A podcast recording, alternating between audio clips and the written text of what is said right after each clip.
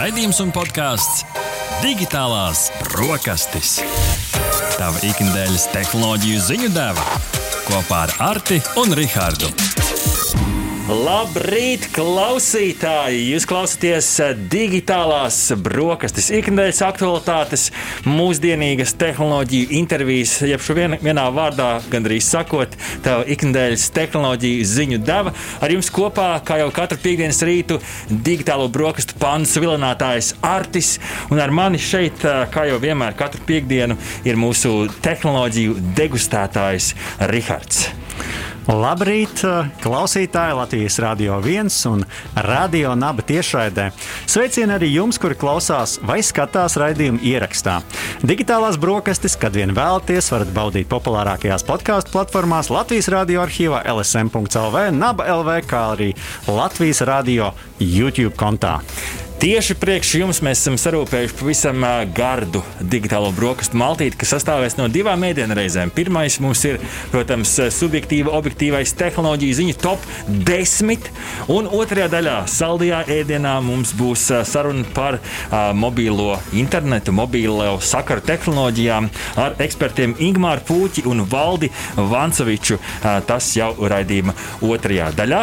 Rihard, es esmu izbadējies, es nezinu, kā tu. Man šeit, ka mums ir laiks pamieloties. Ziņa numur viens. Ziņa numur viens digitālajās brokastīs no tālā sarkanā Marsa apvāršņa, kur apvienoto Arābu Emirātu kosmosa zonde Hope, jeb cerība, 9. februārī ir sasniegusi Marsa orbitu. Un jau nākamajā dienā, 10. februārī, to sasniedz arī Ķīnas zonde Tianwen 1, jeb debesu taujātājs. Veiksmīgi šo orbitu ir sasniegušas abas šīs zondes, taču pavisam jau netālu attālu, nelielā attālumā, jeb vienas nedēļas attālumā, 18. februārī Marsa Jazero krāterim pieskarsies arī ASV NASA robots Perseverance, jeb neatlaidība. Tātad trīs zondes, visas lido uz Marsu, visas izmanto šo unikālo iespēju, kad šīs trajektorijas bija perfektas, lai veiktu šos lidojumus. Tāpēc arī trīs zondes lido Marsa virzienā. Paskatīsimies pirmkārt uz šo Emirātu zondi. Tā apriņķos Marsu viena Marsa gada, jeb šis 687 dienu laikā, ar mērķi sasniegt tādu visaptverošu ainu par laikapstākļu dinamiku Marsa atmosfērā. Vienlaikus šī misija arī šai valstī ir kā iespēja sākt attīstīties pavisam jaunā nozarē, kā mēs zinām. Apvienotie Arābu Emirāti, protams, savus zelta kalnus ir cēluši uz naftas pamatiem, un tagad iespējams arī varēs meklēt naftu uz Marsa. Ķīnas zonda savukārt, tā, nu, tas ir jau citādāk veida aparāts. Tā jau ir 5 tonu smaga paciņa. Iedomājieties, pasniegta mugura līka. Šis sūtījums uz Marsu sastāv no robota, piezemēšanās un orbitēšanas iekārtas. Tad orbitēšanas iekārta lido ap Marsu. Īstajā brīdī, kad šī zonde līdz maijam būs izpētījusi šo savu piezemēšanās vietu, tad uh, ar šo te, uh, nu, piezemēšanās iekārtu savukārt viņa laidīsies lejā uz īsto vietu un no šīs piezemēšanās iekārtas attaisoties skaistām saitītēm izbrauks ārā šis te, nu jau robotiņš, kas pētīs Marsa šo apgabalu, kur ir zem zemes garozes, ir ledus ūdens rezervuāri, kas iespējams varētu būt kā kaut kāds tāds pamats turpmākam, nu, turpmākām misijām uz Marsu jau ar cilvēkiem. Un visbeidzot, trešā zonde, ASV zonde, pilnībā autonoma nosēšanās pirmkārt. Bet tas pats interesantākais, Rihard, ir tas, ka šo visu varēs vērot un arī dzirdēt. Jo šī ir pirmā tāda veida zonde, pirmā veida roveris, kuram ir augstākas kvalitātes attēlu un video iespējamības, un šo visu pilnībā autonomi, bez cilvēka ies, nu, iesaistes. Dators pats veiks, pats visu mērīs un pats arī cerams veiksmīgi piezemēsies. Šis robotiņš savukārt vāks dažādus paraugus, pētīs senās dzīvības pazīmes uz Marsu un arī izmēģinās dažādas tehnoloģijas nākotnes misijām. Rihard, veselas trīs zondes. Kurai tu jūti vairāk, vis, visvairāk līdzi? Es domāju, ka es jūtu visām trim līdzi. Un, uh, mēs jau smējāmies, ka tāds neliels sastrēgums var veidoties. Ja, kad viņi ieslēgs atbilstošās programmas, redzēs, ka ir izveidojies jau neliels, uh, neliels sastrēgums ceļā uz Marsu. Bet uh, man tiešām gribās just līdzi arī tai zondē, kuru varēs dzirdēt un vērot, kā nosēžas. Man liekas, tas ir neticami, kā tehnoloģijas iet uz priekšu. Jo nu, reizēm man ir grūti saslēgties internetā tepat no vienas Rīgas vietas uz otru vietu, un te mēs runājam par, par Marsu un Zemi, kas ir tiešām neticami. Bet es visiem iesaku noteikti pieslēgties šai tiešraidē un vērot šo vēsturisko brīdi, kad tiešām ASV šī zonda piezemēsies uz sarkanās planētas. Man sanāca paskatīties eh, Emirātu šo nosacīti ielidošanu orbītā. Nu, protams, nu, tur nebija daudz ko redzēt, jo viņiem nebija video kamera virsū, bet tas, ko viņi darīja, viņi gaidīja signālu. Jo vienā brīdī uh, planēta nostājās tā, ka šo signālu caur starptautisko tā, dziļā kosmosa šo te, uh, nu, uztvērēju, kas arī ir kosmosā tur lidinās, uh, nevarēja šo zondi uztvert. Tad viņi gaidīja, gaidīja, gaidīja, atskaita, vai, vai atnāks kāds signāls, un atnāca. Un tad visi nu, apvienoto Arābu Emirātu šeihi un dāmas pacēla savas rokas gaisā, jo patiešām Mars ir sasniegts. Ziņa numur divi. Ziņa numur divi tepat no Latvijas. Tehnoloģiju un izklaides uzņēmums TET prezentēja savu jauno televīzijas pakalpojumu, izklaides platformu TET. Tā skatītājiem būs pieejami jau pavasarī un pakāpeniski aizstās esošo shortcut platformu. Platforma piedāvā šo iespēju skatītājiem pašam sakomplektēt savu TV kanālu paku, interesantiem apvienojot to ar straumēšanas pakalpojumu. Tad izklaides pakalpojumu direktore Inga Alika Stroda atklāja, ka maksa par TV kanāliem notiks pēc paku principa. Tajās jau esot iekļautiem kanāliem, kuri ir noteikti kā obligātie.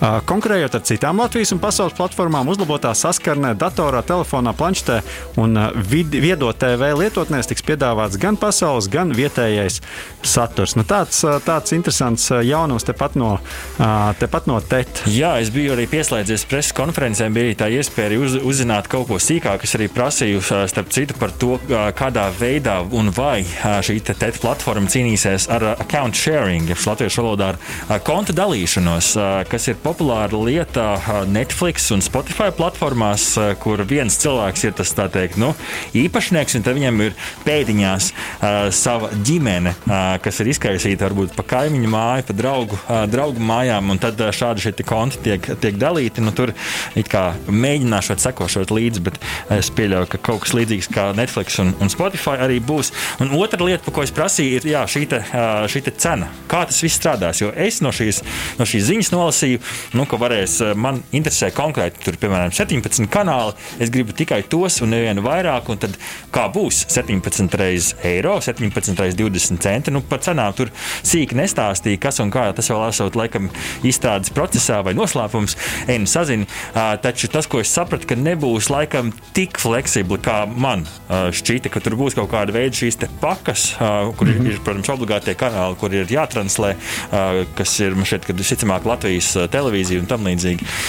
Tā kā nu, redzēs, kad, kā tad izskatīsies, kad, kad iznāks. Jā, nu es savukārt esmu ļoti interesēts tajā straumē straumēšanas pakalpojumā, mm -hmm. kāds izpaudīsies. Tā kā nu, vērosim, tiešām gaidīsim ar nepacietību. Ziņa numur Trešā ziņa, bronzas vieta šī rīta tehnoloģiju top desmitniekā nāk no Datu valsts inspekcijas, kura savā mājaslapā ir informējusi par to, ka ir noticis ievērojams patvaļīgas piekļū, piekļūšanas veiksmīgs, diemžēl, mēģinājums namu apsaimniekošanas Civility grupas uzņēmumam Housemaster un tā serveriem. Kā rezultātā dati tika nesankcionēti, šifrēti un zuda iespēja tos kontrolēt. Šī uzbrukuma rezultātā ir skarta vairāk nekā 30 50 tūkstoši fizisko personu dati visā Latvijā, kur, protams, strādā Housemaster, kur, kur lokā ir ne tikai, protams, Housemaster, bet arī citu šī konkrētā datu pārziņa klienta. Tad vienkāršošu ir datu pārziņas, kurš nu, rūpējās par to, lai serveri viss strādā labi. Protams, no viņa dažādu nu, mm, pakalpojumu nepieciešamību, nu, tā pērk no viņa šo pakalpojumu un izvieto šos datus. Un šis datu pārziņas, viņa šis serveris vārdā neminētais datu datu pārziņas. Viņa serveris ir nu, uzlauzts vienkāršajā valodā runājot, un tur tā skaitā arī bija šī nama apsaimniekotāja dati. Nu, šobrīd sīkāk ne datu valsts inspekcija, ne Housemaster man šo situāciju nekomentē. Protams, nu, izmeklēšana līdz ar to šāds te, uzbrukums ir kvalificēts arī kā pēc krimināla likuma, kā noziedzīgs nodarījums un paredzēta krimināla atbildība. Tāpēc šobrīd norit izmeklēšana, neko vairāk nevar zināt, tikai to, ka nu, tie var būt cilvēki visā Latvijā un tur var būt arī kaut kādi sensitīvi personu dati. Iespējams, neko sīkāk nezinām. Jā, nu, jebkurā gadījumā 30,000 tas ir um, ievērojams skaits priekš Latvijas. Un, uh, nu, tas tikai vēlreiz apliecina to, ka, ja tev pieder uzņēmums, tad uh, nu, šī te, uh, drošība, tā skaitā kiberdrošība, ir ļoti nozīmīga un ir, ir jāparedz, jāparedz līdzekļi, lai visādā veidā pret to nodrošinātos. Ziņa numur 4. Ķīnas tehnoloģiju uzņēmums Xiaomi, prezent, eh, Xiaomi prezentēja savu flagmaņa Mi 11 starptautisko versiju. Eh, Vietālurunis jau iepriekš bija pieejams Ķīnas tirgū. Vietālurunis gan nav uzlādējams no attāluma, kā par to sapņoja uzņēmums savos reklāmas video, taču atšķirībā no citiem flagmaņiem, kā iPhone 12 un Samsung S21, tam kastītē līdzi nāk jaudīgs 55 uh, vatu lādētājs. Mi 11 ir 6,8 colu, 120 Hz ekrāns un Snapdragon 888 processors, līdzīgi kā jaunākajos Samsung vietāluņos. 8 GB operatīva atmiņa, 128 vai, 500, uh, vai 256 GB pamatatmiņa. Vietālunis uh, lielās ar 10, uh, 108 megapikseliem galveno, 13 megapikseliem ultraplato un 5 megapikseļu tele makro kameru. Uh, interesantākais ir dažādie video efekti, kurus palīdz mm, ar vienu klikšķa palīdzību uzbūvēt mākslīgais intelekts. Cenu ziņā šis flagmanis iekrīt aptuveni citu flagmaņu pamatversiju cenu kategorijā. Ziņa numur 5. Noslēdzošā ziņa pirmajā digitālajā brokastu daļā nāk no no digitālās pasaules, no bitkoina pasaules. Jo digitālā kriptovalūta bitkoina 9. februārī sasniegusi jaunu rekordvērtību - 48,481 ASV dolārus, jeb 39,980 eiro par vienu valūtas vienību. Tā ziņo portāls techspot.com. Man Rihards katru reizi sirds sāp, kad es lasu šos ciparus un atceros, kā mēs kādā iepriekšējā raidījumā lasījām daudz zemākus ciparus, un mēs spējām pirkt vai nepirkt. Nu, kārt jau reizes laikam kožu savos pirktos. Šis satricinājums sekoja pēc tam, kad tehnoloģiju uzņēmums Tesla investēja kriptovalūtā 1,5 miljardus ASV dolāru. Uzņēmums plāno, ka iespējams nākotnē pieņems maksājumus arī kriptovalūtā par tās produktiem, jo nu, šobrīd Tesla elektriskās automašīnas. Nav noslēpums, ka Tesla vadītājs Elons Musks ir kvēls Bitcoin atbalstītājs, un Musks kādā nesenā Clubhouse lietotnes video sarunā prognozējis, ka, un citēju, vai Bitcoin ir uz robežas, lai iegūtu plašu atbalstu no tradicionālajiem finanšu cilvēkiem. Rihards, vai tu esi nopircis kādu Bitcoin sev? Nu, ja es būtu, tad iespējams es šobrīd būtu ļoti laimīgs cilvēks un ļoti bagāts cilvēks, bet diemžēl neesmu nopircis. Bet tas, kas ir tiešām interesanti šajā ziņā, ir, ka mēs tuvojamies tam brīdim, kad Bitcoin tiks vai šī kriptovalūtas tiks atzīts no lielajiem finanšu spēlētājiem. Un, tad jau tas būs pavisam, pavisam jauna lieta. Un, un interesanti, kas būs tas, kas pārsvērs šo, pārsvērs šos te, uh, svaru kausus. Jo mēs jau pagājušajā gadā redzējām, ka tādas darbības bija, bet tomēr tas neizdevās. Bija arī liela flagmaņa, kas atteicās no šīm investīcijām. Bet nu, tagad iespējams tas, uh, tas pārvarēs šo barjeru un iegūs atzinību arī, arī tādā nu, klasiskajā finanšu, finanšu tirgu. Darbie klausītāji, Latvijas radio viens un radio naba, palieciet kopā ar mums. Tā skaitā arī tie, kur mūs skatās YouTube platformā, jo šobrīd neliela muzikāla pauze. Godlike! Ziņa numur 6. Eiropas kosmosa aģentūra drīzumā izsludinās 11 gadu laikā pirmo astronautu atlasi. Pērn Latvija kļuva par aģentūras asociēto dalību valsti, un tas nozīmē, ka pirmo reizi vēsturē arī Latvijas pilsoņi varēs pieteikties Eiropas astronautu konkursā. Jaunie astronauti strādās plecu pie pleca ar pašreizējiem astronautiem laikā, kad Eiropā sākas jauns visuma izpētes laikmets. Kosmosa pētīšanas entuziasts Pauls Irbins, kurš savulaik pieteicās Mars One projektā, lai lidotu uz Marsu, gan Latvijas izredzes, izredzes vērtē kā zemas, taču mudina jauniešus attīstīt savu karjeru kosmosa izpētes virzienā. Citēju: Meklēs cilvēks ar plašu pieredzi, meklēs, ī, meklēs īpaši aicinās sievietes, un kas ir ļoti interesanti, būs iespējas arī invalīdiem pieteikties. Tas ir interesants pavērsiens, kas parāda, ka kosmos ir ar vien vairāk pieejams plašākam cilvēku lokam. Norādīja Irbins Latvijas televīzijas raidījumam Panorāma. Ja atceramies pagājušās nedēļas digitālās brokastis, kur mums bija padziļināta saruna par kosmosu ar Kasparu Kalniņu, Rīgas Tehniskās Universitātes pētnieku, tad mēs viņam tieši uzdevām šo jautājumu, kas ir jādara, lai kādu dienu nonāktu. Un, Rikārd, vai tu atceries, kāda bija atbilde? Nu, vienkārši ir jābūt interesētam un jāmācās, un uh, viss būs kārtībā. Un loģiskai domāšanai. Tieši jābūt. tā, tieši Jā. tā. tā kā, katrā gadījumā uh, šis ir vēl viens labs mudinājums cilvēkiem pievērsties inženierzinātnēm, varbūt ne tikai, uh, lai teikt, izcīnītu savu ceļu kādu dienu uz kosmosu. Ziņa numur septiņi. Ziņa numur septiņi. Nu, man kā gamerim diezgan bēdu pilna, jo poļu video spēļu izstrādātājs CD Projekt paziņoja, ka ir noticis uzbrukums viņu spēles Cyberpunk 2077 serveriem. Ja viņiem problēmas jau šobrīd nepietika, nu tad problēmas vēl tikai uh, nāks, jo hakeri ir tikuši klāt gan pie spēles pirmkoda, gan pie dažādiem citiem uzņēmumu dokumentiem. Par tiem ļaundari jau ir pieprasījuši internetā izpirkuma naudu, atsūtot tādu vienkāršu TXT failu ar savām prasībām. Un, uh, viņi ir ieguvuši ne tikai Cyberpunk 2077, bet arī Witcher 3 un Gwent uh, spēles kodu un uzņēmumu juridiskos un HR dokumentus, ko viņi piedraudējuši nosūtīt video spēļu uh, pasaules žurnālistiem. Ceru, ka arī mums kaut ko Richard atsūtīs. Uh, CD Projekt ir paziņojis, ka nepiekāpsies tomēr hakeru prasībām un jau atjaunos savu serveru darbību no rezerves kopijām. Tā vēsta portāls The Verge Edge.com. Rihards, vai man ir jāuztraucās kā Cyberpunk 2077 spēlētājiem? Nu, man liekas, ka vienīgais, varbūt, par ko var uztraukties, ir, ka kāda spēle kaut kādā brīdī var, var kļūt nepieejama, bet es arī domāju, ka tā nebūs problēma. Te vairāk, man liekas, pašas spēles tāda uh, anoni, nu, anonimitāte, bet tāda, nu, tā, kā saka, viņa paša informācija, tā, tā varbūt ir apdraudēta, bet um, es domāju, ka spēlētājiem par to nav pārāk jāuztraucas. Ziņa numur 8. Populārās spēles Fortnite izstrādātāji Epic Games publicējuši reklāmas klipu tā jaunajai programmatūrai MetaHuman Creator, kuru viņi pasniedz kā revolūciju mākslīgi sintēzēto cilvēku veidošanā. Par to ziņo TheVerge.com.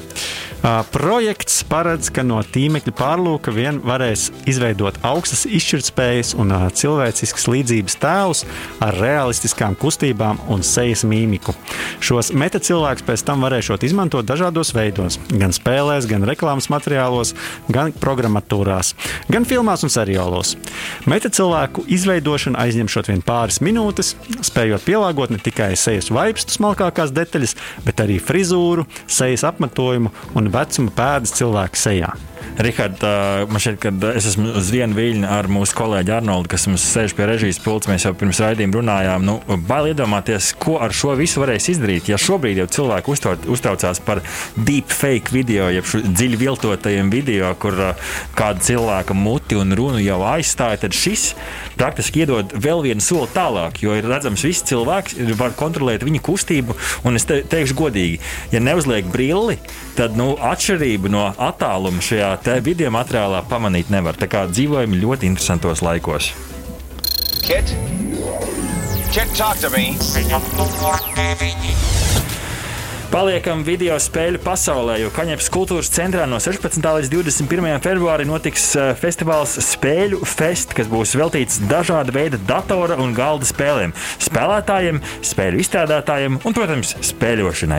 Tā ietvaros eh, tiešsaistē notiks darbnīcas, diskusijas, lekcijas un citi pasākumi. Šī spēļu festa programma ir pilnībā bezmaksas, tā kā eh, šos visus festivāla pasākumus būs iespējams noskatīties tiešraidē, jebkurā tā vietā visā Latvijā vai citvietā pasaulē pasaulē. Ja interesē sīkāk informācijas par šo bezmaksas spēļu izstādes pasākumu, tad to var meklēt Kaņepes kultūras centra Facebook lapā. Ziņa numur desmit. Jā, ziņa numur desmit tepat no bulduriem. Lai ainavu dārzniecībā ieviestu digitālās tehnoloģijas, veiktu zinātniskos pētījumus un paaugstinātu audzēkņu konkurētspēju, Bulduru dārzkopības vidusskola ierīko pirmo viedo dārzu Latvijā. Un par to raksta lapsoflatvija.com. Viedā dārza projekta mērķis ir izstrādāt un praktiski ieviest robotizētu, autonomu platformu, kas nodrošinās augu monitoringu un kopšanu, kā arī ražošanas procesu automatizāciju un digitalizāciju. Dārzu var aplaistīt, nospiežot vienu podziņu mobilajā telefonā. Viedā dārza tehnoloģija ir saslēgta ar lidostas meteoroloģisko staciju un pēc nepieciešamības ieslēdzas dārza laistīšana. Savukārt ziemas periodā norit intensīvs darbs pie robota izstrādes, lai jau pavasarī tas varētu uzsākt darbu dārzā. Tā uzdevums būs pārvietoties starp stādījumiem un ievākt informāciju par augu, tā identificējot pārmaiņas augu attīstībā, slimību un kaitēkļu pārvietošanos vēl pirms cilvēka acis ir pamanījusi bojājumus. Oi, man šķiet, ka šo ziņu dzirdot, mana Irēna Stanta Siguldā sasit plauks un cer, ka es kaut ko šādu uzdāvināšu viņai Ziemassvētkos. Katrā gadījumā ļoti interesants tehnoloģijas, iespējams pat dārznieku profesija nākotnē transformēsies, lai jau izdodas. Viss nāk par labu. Dārgie klausītāji, dārgie skatītāji, YouTube kanālā šīs bija tehnoloģiju ziņu top 10. Pēc nelielas muzikālas pauzes mēs ķersimies klāt saldajam ēdienam, jeb šai sarunai par mobilo sakaru tehnoloģijām. Paliec Palieciet kopā ar mums! Mm. Ko liksim uz kārā zoba? Digitālo brokastu saldais ēdiens. Ja klausītāji tiešām digitālo brokastu saldais ēdiens tiek servēts tieši šobrīd. Latvijā varam lepoties ar mobilo sakaru kvalitāti, kas ir viena no labākajām Eiropā. Mums caurmērā ir labs pārklājums, kvalitīva balss sakari un ātrs mobilais internets. Neviens nenoliedz mobilo sakaru nozīmi, taču pandēmija vēl vairāk apstiprinājusi to, ka mobilie sakari ir kritiski svarīgi šādos apstākļos, kad daudzas funkcijas tiek veiktas attālināti, izmantojot mobilo sakaru tīklu. Un par šī, šo tēmu mēs šodien runāsim ar diviem ekspertiem. Ar Tele2 valdes priekšsēdētāju Valdi Vancovi. Vancoviču, sveiki, un LMT viceprezidentu Ingmāru Pūķi. Sveiki! Sveicināti! Sveicināti. Es ceru, ka sakara šajā intervijā mums kalpos labi. Tas būtu visam interesanti, ja mums noraustītos mūsu galā internets, bet turam īkšķis, lai viss izdodas. Jo katrā gadījumā, ja mēs paskatāmies uz to, cik liels kārtas mēs mūsdienās liekam uz mobilajiem sakariem, tad viegli ir secināt to, ka to loma ir ļoti, ļoti pieaugusi. Un varbūt tāds iesildošais jautājums jums abiem, abiem kungiem par to, ja mēs paskatāmies uz tādu cilvēcisko pusi to cilvēku profilu, kas ir mobilo sakaru lietotājs. Kā tas ir mainījies pēdējo desmit gadu laikā? Un šis ir atvērtais jautājums jums abiem. Sāksim, Rihārd, ar? Sāksim ar valdi. Jā, nu, desmit gadi ir pietiekami ilgs laiks industrijai, parasti nav milzīgi ilgs. Uh, ja mēs atceramies, tad viettelefonu vēsture stiepjas apmēram 12 gadus kopš uh, šīs dienas uz, atpakaļ. Uh, ap ap 2008. gadu parādījās pirmie Apple tālruņi, kuri, kuri bija uzskatāms par pilnvērtīgiem vietāluņiem. Un runā, runāt par, par, par to, ka vietāluņi ir ienākuši mūsu ikdienā un sadzīvē, mēs varam droši vien pēdējos 5, 6 gadus, kad ievērojama lietotā daļa sāka lietot tieši viettelefons un izmantot viņu, viņu labās īpašības. Bet kopš tā brīža šis fenomens ir attīstījies tik strauji, ka, godīgi sakot, sabiedrība Uh, un, uh, zināmā mērā, sabiedrība savā izpratnē pat vēl īsti netiek līdzi tam, cik strauji šīs tehnoloģijas ir gājušas uz priekšu. Un, uh, cilvēki bieži vien neapzinās arī tās ne tikai pozitīvās īpašības, bet arī, arī tās blaknes, kuras var izraisīt viedierīču lietošanu. Tā kā šis fenomens ir salīdzinoši jauns, bet, kā mēs zinām, mēs mēdzam teikt, un mans nozares kolēģis Ingūns Pūķis noteikti neļaus arī uh, Samelot nozarē saka, ka katri, katri, katrs gads telekomunikāciju nozarē ir līdzvērtīgs 4-5 gadiem kādās citās, varbūt mierīgākās nozarēs nosacīt. Ingūna, tāds jau precizējošs jautājums par šo cilvēku profilu. Vai pandēmijas rezultātā šis profils, nu, kas lieto mobilo internetu, ir izlīdzinājies? Visi lieto, vai tur joprojām ir kaut kāds nu, tā kā vairāk tāds cilvēku segments, kur ir vairāk šo mobilo uh, datu lietotāju? Es laikam atbildētu uz šo jautājumu vairākās daļās. Pirmkārt, es gribētu nedaudz izaicināt jūsu jautājumu vispār uzbūvi. Jūs runājat par cilvēkiem, par cilvēku profiliem, bet, ja mēs meklējam, kas ir mobilo sakaru lietotājs, tad to, ko mēs redzam tehnoloģiju pusē, aptuveni šobrīd katrs trešais, kas lieto mūsu tīklu, ir eh, kaut kāds dzelzīts vai no robotiņš. Ka tie vairs nav cilvēki, kas lieto tīklu, tie jau ir uh, visādi mehānismi, sensori, skaitītāji, uh, video kameras un tam līdzīgi. Tas vairs nav maza daļa, tā jau ir tiksim, izaugusi par trešo daļu tīkla. Uh, Uh, ja atgriežoties pie, teiksim, pie Homo sapiens, kā pie klienta, tad mēs redzam, ka Latvijā šobrīd ir 83%, uz pagājušā gada beigām 83% iedzīvotāju ir uh, vietālu runas rokā. Mēs vairs nevaram runāt par lielāko daļu vai ko tas ir. Principā visi ir neliela daļa cilvēku, kas vēl neizmanto vietālu runu, uh, nu, kas kā, loģiski šie vēsturiskie cikli attīstās, izlīdzinājies. Uh, jā un nē. Es domāju, ka, protams, ka loģiski, ka pandēmijas laikā mēs redzējām pietiekami būtisku datu patēriņu pieaugumu, bet Latvijā kopumā viņš ir bijis augsts arī nu, līdz šim. Latvijas iedzīvotājs ir, ir starp OECD valstīm trešais aktīvākais mobilo, mobilās datu pārraides lietotājs. Es domāju, ka mēs esam kopumā, jebkurā gadījumā, ar vai bez pandēmijas, bet mēs esam arī paraugs pārējiem šajā ziņā. Jā, tā attīstība tiešām ir prātam neaptverama. Arī man, skatoties pagātnē, liekas, ka man mobilais telefons ir visu laiku bijis, bet patiesībā tikai tiešām 10, varbūt 11 gadi. Um, kur, kurā virzienā attīstās mobilo sakaru tīkla tehnoloģijas pasaulē un Latvijā? Un kādas inovācijas varam sagaidīt Latvijā tuvākajos gados? Paturpināsim ar Ingūru. Nu, es domāju, ka tas, kas ir skaidrs, ja mēs tiksim, vērojam arī tos datus, kas mums ir pieejami arī no sabiedrisko pakalpojumu regulātora, mēs redzam, ka šobrīd, laikam, ja es negribu samalot, bet 85% iekārtu, kas ir kaut kādā veidā pieslēdzās pie interneta Latvijā, tas noteikti var no mobilo tīkla. Tad lielākā daļa, absolūti lielākā daļa visdažād, visdažādāko lietu, kas uh, tiek pie interneta, tiek caur mobilo tīklu, mobilais tīkls ir kļuvis par prim primāro piekļuves formu. Internetam, un tas noteikti tikai attīstīsies. Un, protams, ka mobilās tehnoloģijas vēsturiski loģiski vienmēr ir atpalikušas, mēģinājušas piedzīt uh, fiksēto tehnoloģiju iespējas. Un, un tā ticība ir tāda, ka faktiski ar to, ko tagad mums atnesīs piektās paudzes tehnoloģijas, tie tiksim, ātrumi un aizturs un, un viss sasniegs uh, fiksēto tehnoloģiju iespējas. Bet tas, protams, ir loģiskais papildinājums uh, ceļās no tā, ka tās būs mobilas tehnoloģijas un pieejamas visriņķī un visapkārt un kustībā. Un no tā jau tālāk izaugs vesela industriāla um, jauna pakalpojumu paudze. Uh mhm. -huh. Valdi, uh, Ingūns jau ieskicēja nedaudz to, ka patiesībā diezgan daudz šeit mobilo uh, datu lietotāju ir dažādas ierīces. Un es arī vienā brīdī pats piefiksēju, ka man bija izveidojies tāds priekšstats, ka simkarte, nu, tas ir nu, mans telefons, mana simkarte viens pret viens tā teikt, un uh, tā arī tas viss strādā. Un tad vienā brīdī es piefiksēju, ka, oh, redz, kur planšetdatoram ir simkartīte jau iekšā, uh, vēl kaut kur, vēl kaut kur. Uh, šis ir kaut kāds tāds trends, uz ko tas viss iet, un uh, vai simkarte kā tāda arī varētu kādu dienu izmirt kā šis te, uh, savienotājs starp tīklu un iekārtu? Tā tiešām ir, kā jūs sakat, un pēdējo gadu laikā uh, ir strauji pieaudzis to lietotāju skaits, kur izmanto vairāk nekā vienu mobilo ierīci. Kā jūs minējāt, planšetdators, dators, pat, tas pats vietā runas. Ir arī daudz citas iekārtas, kuras uh, varbūt ir vairāk vai mazāk statiskas, tam mobils.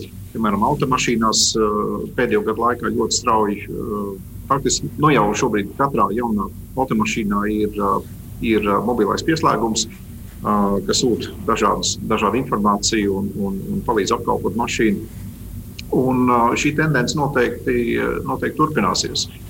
Kā viena no jaunajām tehnoloģijām, ko mans kolēģis Igmārs pieminēja, bija 5G. 5G ir zināmā mērā būvēts, lai tiktu galā ar šo ļoti, ļoti strauji augošo pieprasījumu uh, pēc mobiliem, mobiliem sakariem uh, tieši no uh, iekārtu, iekārtu puses. Protams, ir, ir 5G tehnoloģija, ir vairākas īpašības, bet viena ļoti būtiska aspekts ir tieši iekārtu apkalpošana. Savukārt, runājot par simkartēm, jā, ir ir tā, ka daudzas lietas mūsu pasaulē virtualizējas, un arī simkarte šobrīd jau ir pamazām kļūst virtuāli. Jā, arī, piemēram, Tele2 pavisam nesen uh, ievies tā saucamo e-sim, jeb, jeb virtuālo simkarti, kuru var lietot bez fiziskās simkartes. Un šāda, šāda virtualizācija ir paredzams, ka turpināsies, jo daudzas iekārtas ir pietiekami mazas un sīkas, un tur simkārti vienkārši nevar ievietot. Nu, mēs kā, kā piemēru varam, varam minēt arī ļoti strauji augošu iekārtu segmentu, kas ir viedie pulksteņi vai viedās aprotas, un bieži vien viņi ir pārāk miniatūra, lai simtkārt varētu tur ietilpt. Man šķiet, ka Richard, šis viss iet uz to, ka kādu dienu mūsu mobiliem tālrunim, vietālrunim, viņam vairs nebūs neviena cauruma, jo šis audio jacks ir pazudis, palicis slādēšanas, kas arī iespējams nu, jau jaunākiem iPhone'iem ar šo savienošanas iekārtu pie muguras ir pazudis. Tagad pazudīs arī simkartes slots, praktiski būs tāds viengabalains aparāts. Es jau esmu par labāku ūdens izturību un putekļu noturību, vai ne? Jā, nu, vienmēr sakot, tiešām attīstība, attīstība noteikti prātam neatveram. Man liekas, šobrīd vēl jau, vēl jau ātrāk, bet gribēju pajautāt arī par pēdējo gadu. Pandēmijas laikā ievērojami pieauga internetu lietošanas apjoms. Un, nu, jautājums, cik ļoti palielinājās mobilo datu patēriņš vidēji vienam lietotājam un, un kāds ietekmēja mobilo sakaru tīklus? Valdi, varbūt tev ir atbilde. Katrs no savas perspektīvas tagad paskatīties. Jā, patiešām šis laiks bija, bija pavisam īpašs daudzām nozarēm, un mobilo sakaru nozare nebija, nebija izņēmums. Šajā laikā, protams, mūsu dzīve kļuva virtuāla, un tas strauji, strauji palielināja lietošanu. Mēs veicām nelielu klientu aptauju, kādas, teiksim, kādas jaunas prasmes cilvēki ir apguvuši pandēmijas laikā. Un divas galvenās, kas, kas iezīmējās, bija pirmkārt cilvēki iemācījušies uh, sazināties, darīt darbu uh, videokonferenču veidā.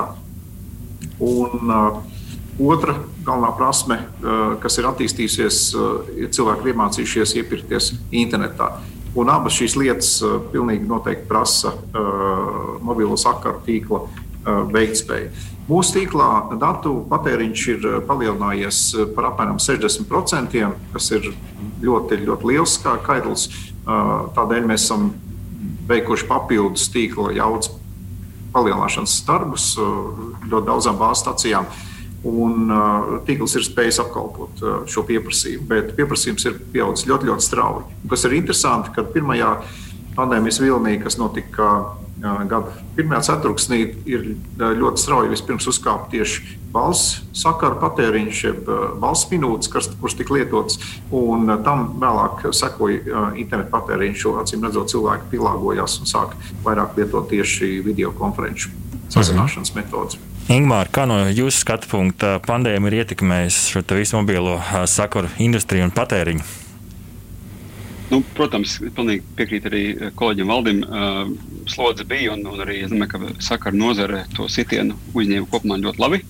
Es domāju, ka visi operatori nu, darīja, ko varēja, lai, lai pandēmijas saka, virtuālo slodzi uzturētu. Mēs arī, protams, redzējām būtisku pieaugumu, un arī, teiksim, kas būtu tā interesanti, vienlaikus ir tas, ka analizē teiksim, vidējo diennakts, um, diennakts slodzi. Parasti vēsturiskā tā bilde ir tāda, ka, protams, ka, ka pa nakti tīkls ir vistukšākais, tad teiksim, no rīta cilvēks sāk rosīties un strādāt. Teiksim, dienas laikā viņš, viņam ir vidēji noslodzi un, un vēsturiski pīķa slodzi viņš sasniedz vakarā. Tad vislielāko slodzi cilvēki rada tīklam nu, vakaros, tad, kad viņi izklaidējās, viņi parasti būtiski atšķirās no tās slodzes, kas ir darbdienas laikā. Un tas, ko mēs tagad redzējām, kad nu, pandēmija saka, pietuvoja šo uh, darba dienas vidusslodzi gandrīz vai, gandrīz vai aizsniedz to vēsturisko līmeni, ko cilvēki lieto vakaros uh, izklaidē. Kā, uh, viņi vienlaikus to nepārsniedz. Kā man, teiksim, man kā, nu, kā likās, ka būtu diezgan loģiski sagaidāms, ka tagad, kad no nu, visi skolēni un darbinieki un visi metīsies uh, video konferencēs un tam līdzīgi,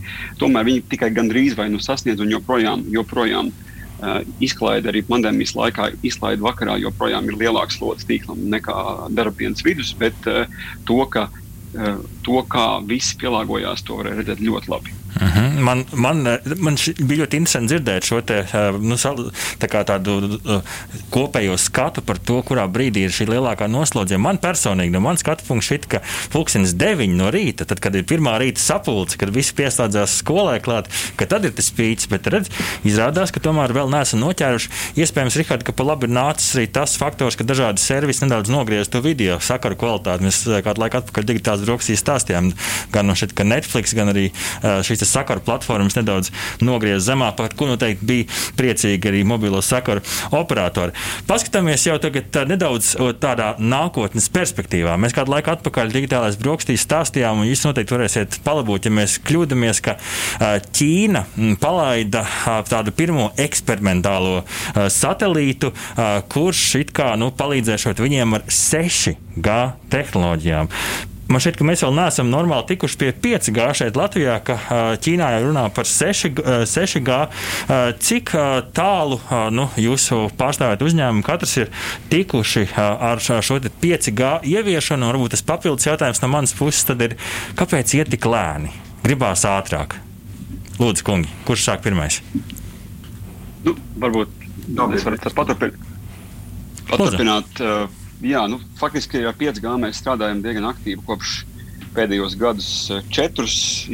Tas, ko parasti tas ir ar sēnēm, sēne aug zem zemes, tur tie stiebriņas nu, stiepjas, un tad pēkšņi nu, jūlijā beigās vai augustā, vai pēkšņi tā sēne nu, parādās kā sēne, bet tas darbs tai sēnē nu, noticis daudzus mēnešus, kā saka, nu, pazemē. Līdzīgi arī ar gatavošanos 5G, principā ar jebkuru tehnoloģiju paudzi. Eh, protams, tur viss mainās, un transporta tīkli mainās, un viss eh, gatavojās tam lielajam brīdim.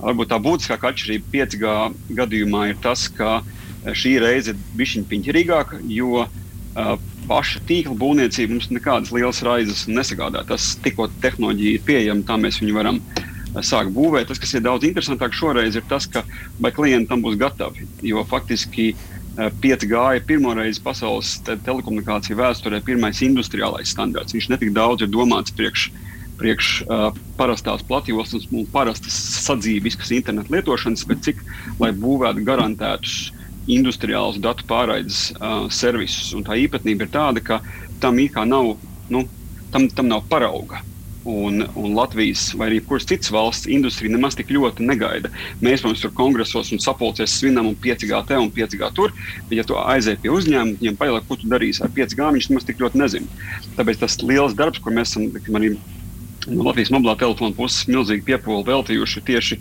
mācoties, teiksim, nu, sadarboties ar, ar augstskolām un, un jaunu uzņēmumiem un arī ārvalstu uzņēmumiem tieši gatavojot šo te, uh, lietojamību. Uh, Jo pašu tīklu uzbūvēt tas nav sarežģīti, bet tā nu, lietojamība ir tas, kas saka, svētais grāls, kas šajā etapā ir, ir, ir, ir, ir jāsasniedz. Un otra lieta, ko arī, arī, arī, arī dušam, kad uh, Vansvičs kungs papildinās, protams, arī 5G īpatnība ir tāda, ka viņš nav gatavs vēl. Tad ir šī te, tad visā pasaulē, mobilajā nozarē, tāda kā standartu salīdzināšanas teiksim, nu, kārtība.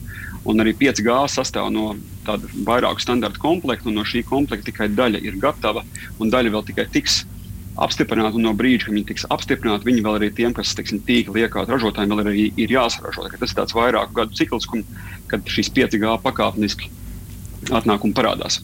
Valdi, vai varētu teikt, ka tas 6G triks ir tāds uh, mārketinga triks tiešām šobrīd? Jo mēs arī skatāmies, uh, skatāmies ka arī mūsu LSM Instagram konta aptaujā, Rihard, vai ne, ka vairums mūsu Instagram konta sekotāju šobrīd pat vēl nav pamēģinājuši šo, te, šo te 5G. Jā, ne? varētu teikt, pat mazāk kā 10% atbildēja, ka viņi ir pamēģinājuši 5G tīklu. Un tad tiešām jautājums, jautājums valdim, kā, kā jūs redzat to iespēju, kad mm -hmm. mēs nonāksim līdz tam, ka nu, teiksim, vismaz puse no mūsu klausītājiem būs pamēģinājuši 5G.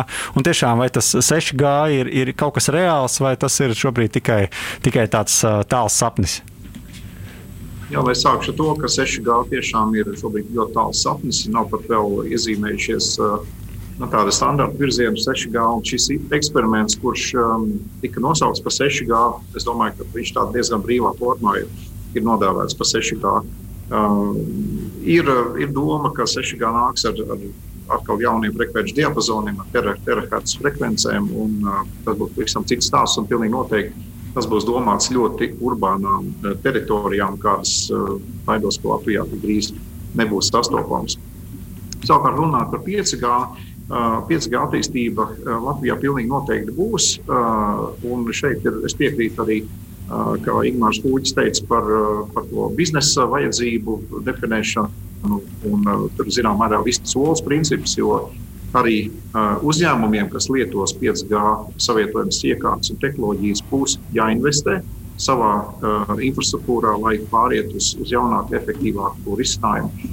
Uh, un uh, operatori var atbildēt par savu tīklu, bet, diemžēl, nevar atbildēt par galvlietotāju iekārtām risinājumu. Tā kā šeit vēl būs diezgan daudz darāmā.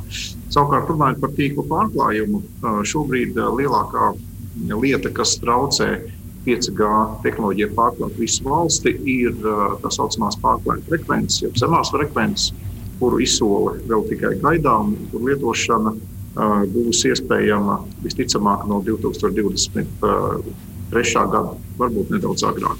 Tā kā šajā brīdī mēs varam runāt tikai par 5G lielākajās pilsētās, kur tiek izmantota tā saucamā pilsētu frekvence, kuras izplatīšanās lauks ir mazliet mazāks. Uh mhm. -huh. un, tāda visaptvaroša valsts aptīklošanu ar 5G tehnoloģiju mēs varētu sagaidīt pēc dažiem gadiem.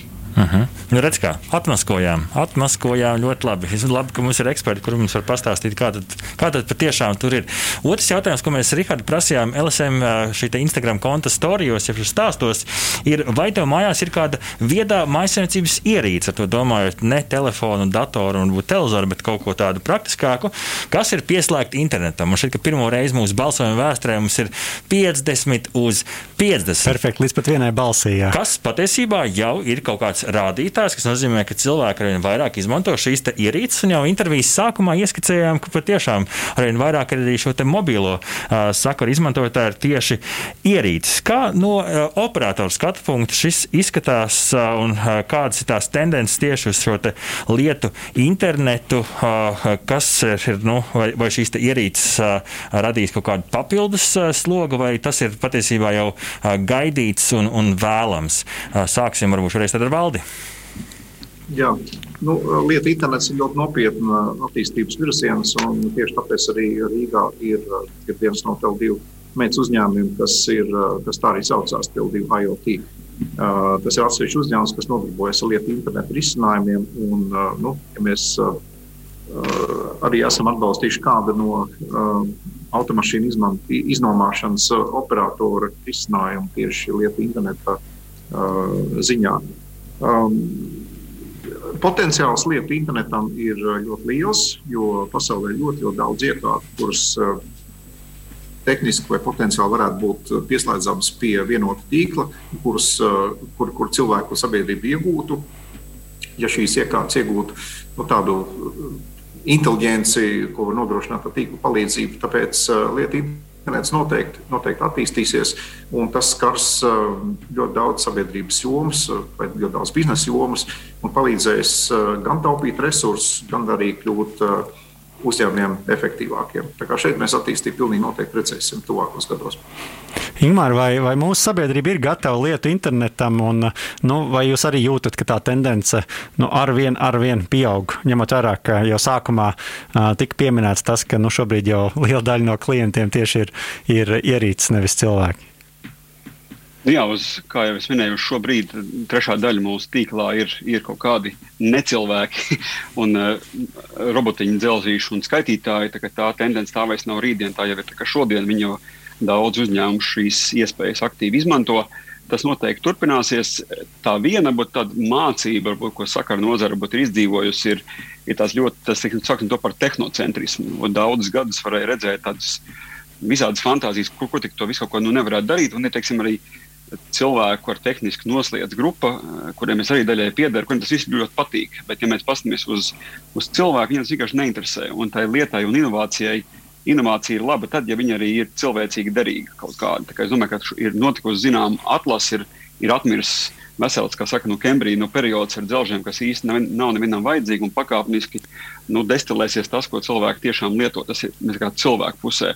Industrijas pusē savukārt tas process viennozīmīgi ies plašumā, un arī tas 5G standarta īpatnība ir tāda, ka, ja piemēram šobrīd viena bāzes stacija var teiksim, noturēt savā uzmanības lokā dažus tūkstošus iekārtu, tad, tad 5G standarts jau runā par daudziem, par simtiem tūkstošu uz kvadrātkilometru. Tas nozīmē, ka 5G standarta būvniecība paredz to, ka sensoriņi un noteikti ne fizisks, bet noteikti virtuāls simkārts būs ļoti daudzos uh, objektos, kas arī faktiski ļauj uh, industrijām iet uz to, kā saucamā digitālā, digitālā dviņa būvēšana, kas nozīmē, ka tu jebkurai teiksim, būtiskam industriālam uh, procesam, tāds nu, klasiskākie piemēri, kas būtu nav Latvijas, Latvijai derīgi, teiksim, būtu naftas nu, platforma, ka tu visu naftas platformu digitalizē un tu modelē un vari paredzēt uh, kaut kādus notikumus un, un nomaiņas un attīstību daudz ātrāk un precīzāk un, un visu šo biznesu vēl vairāk nomērīt un vēl precīzāk novadīt un nopelnīt no uh, vairāk naudas. Es domāju, ka šī sensoru attīstība tieši biznesa pusē būs ļoti, ļoti nozīmīga. Un to pat daži sauc par ceturto industriālo revolūciju. Jā, nu tiešām nākotne ir dažādi interesanti notikumi pilna.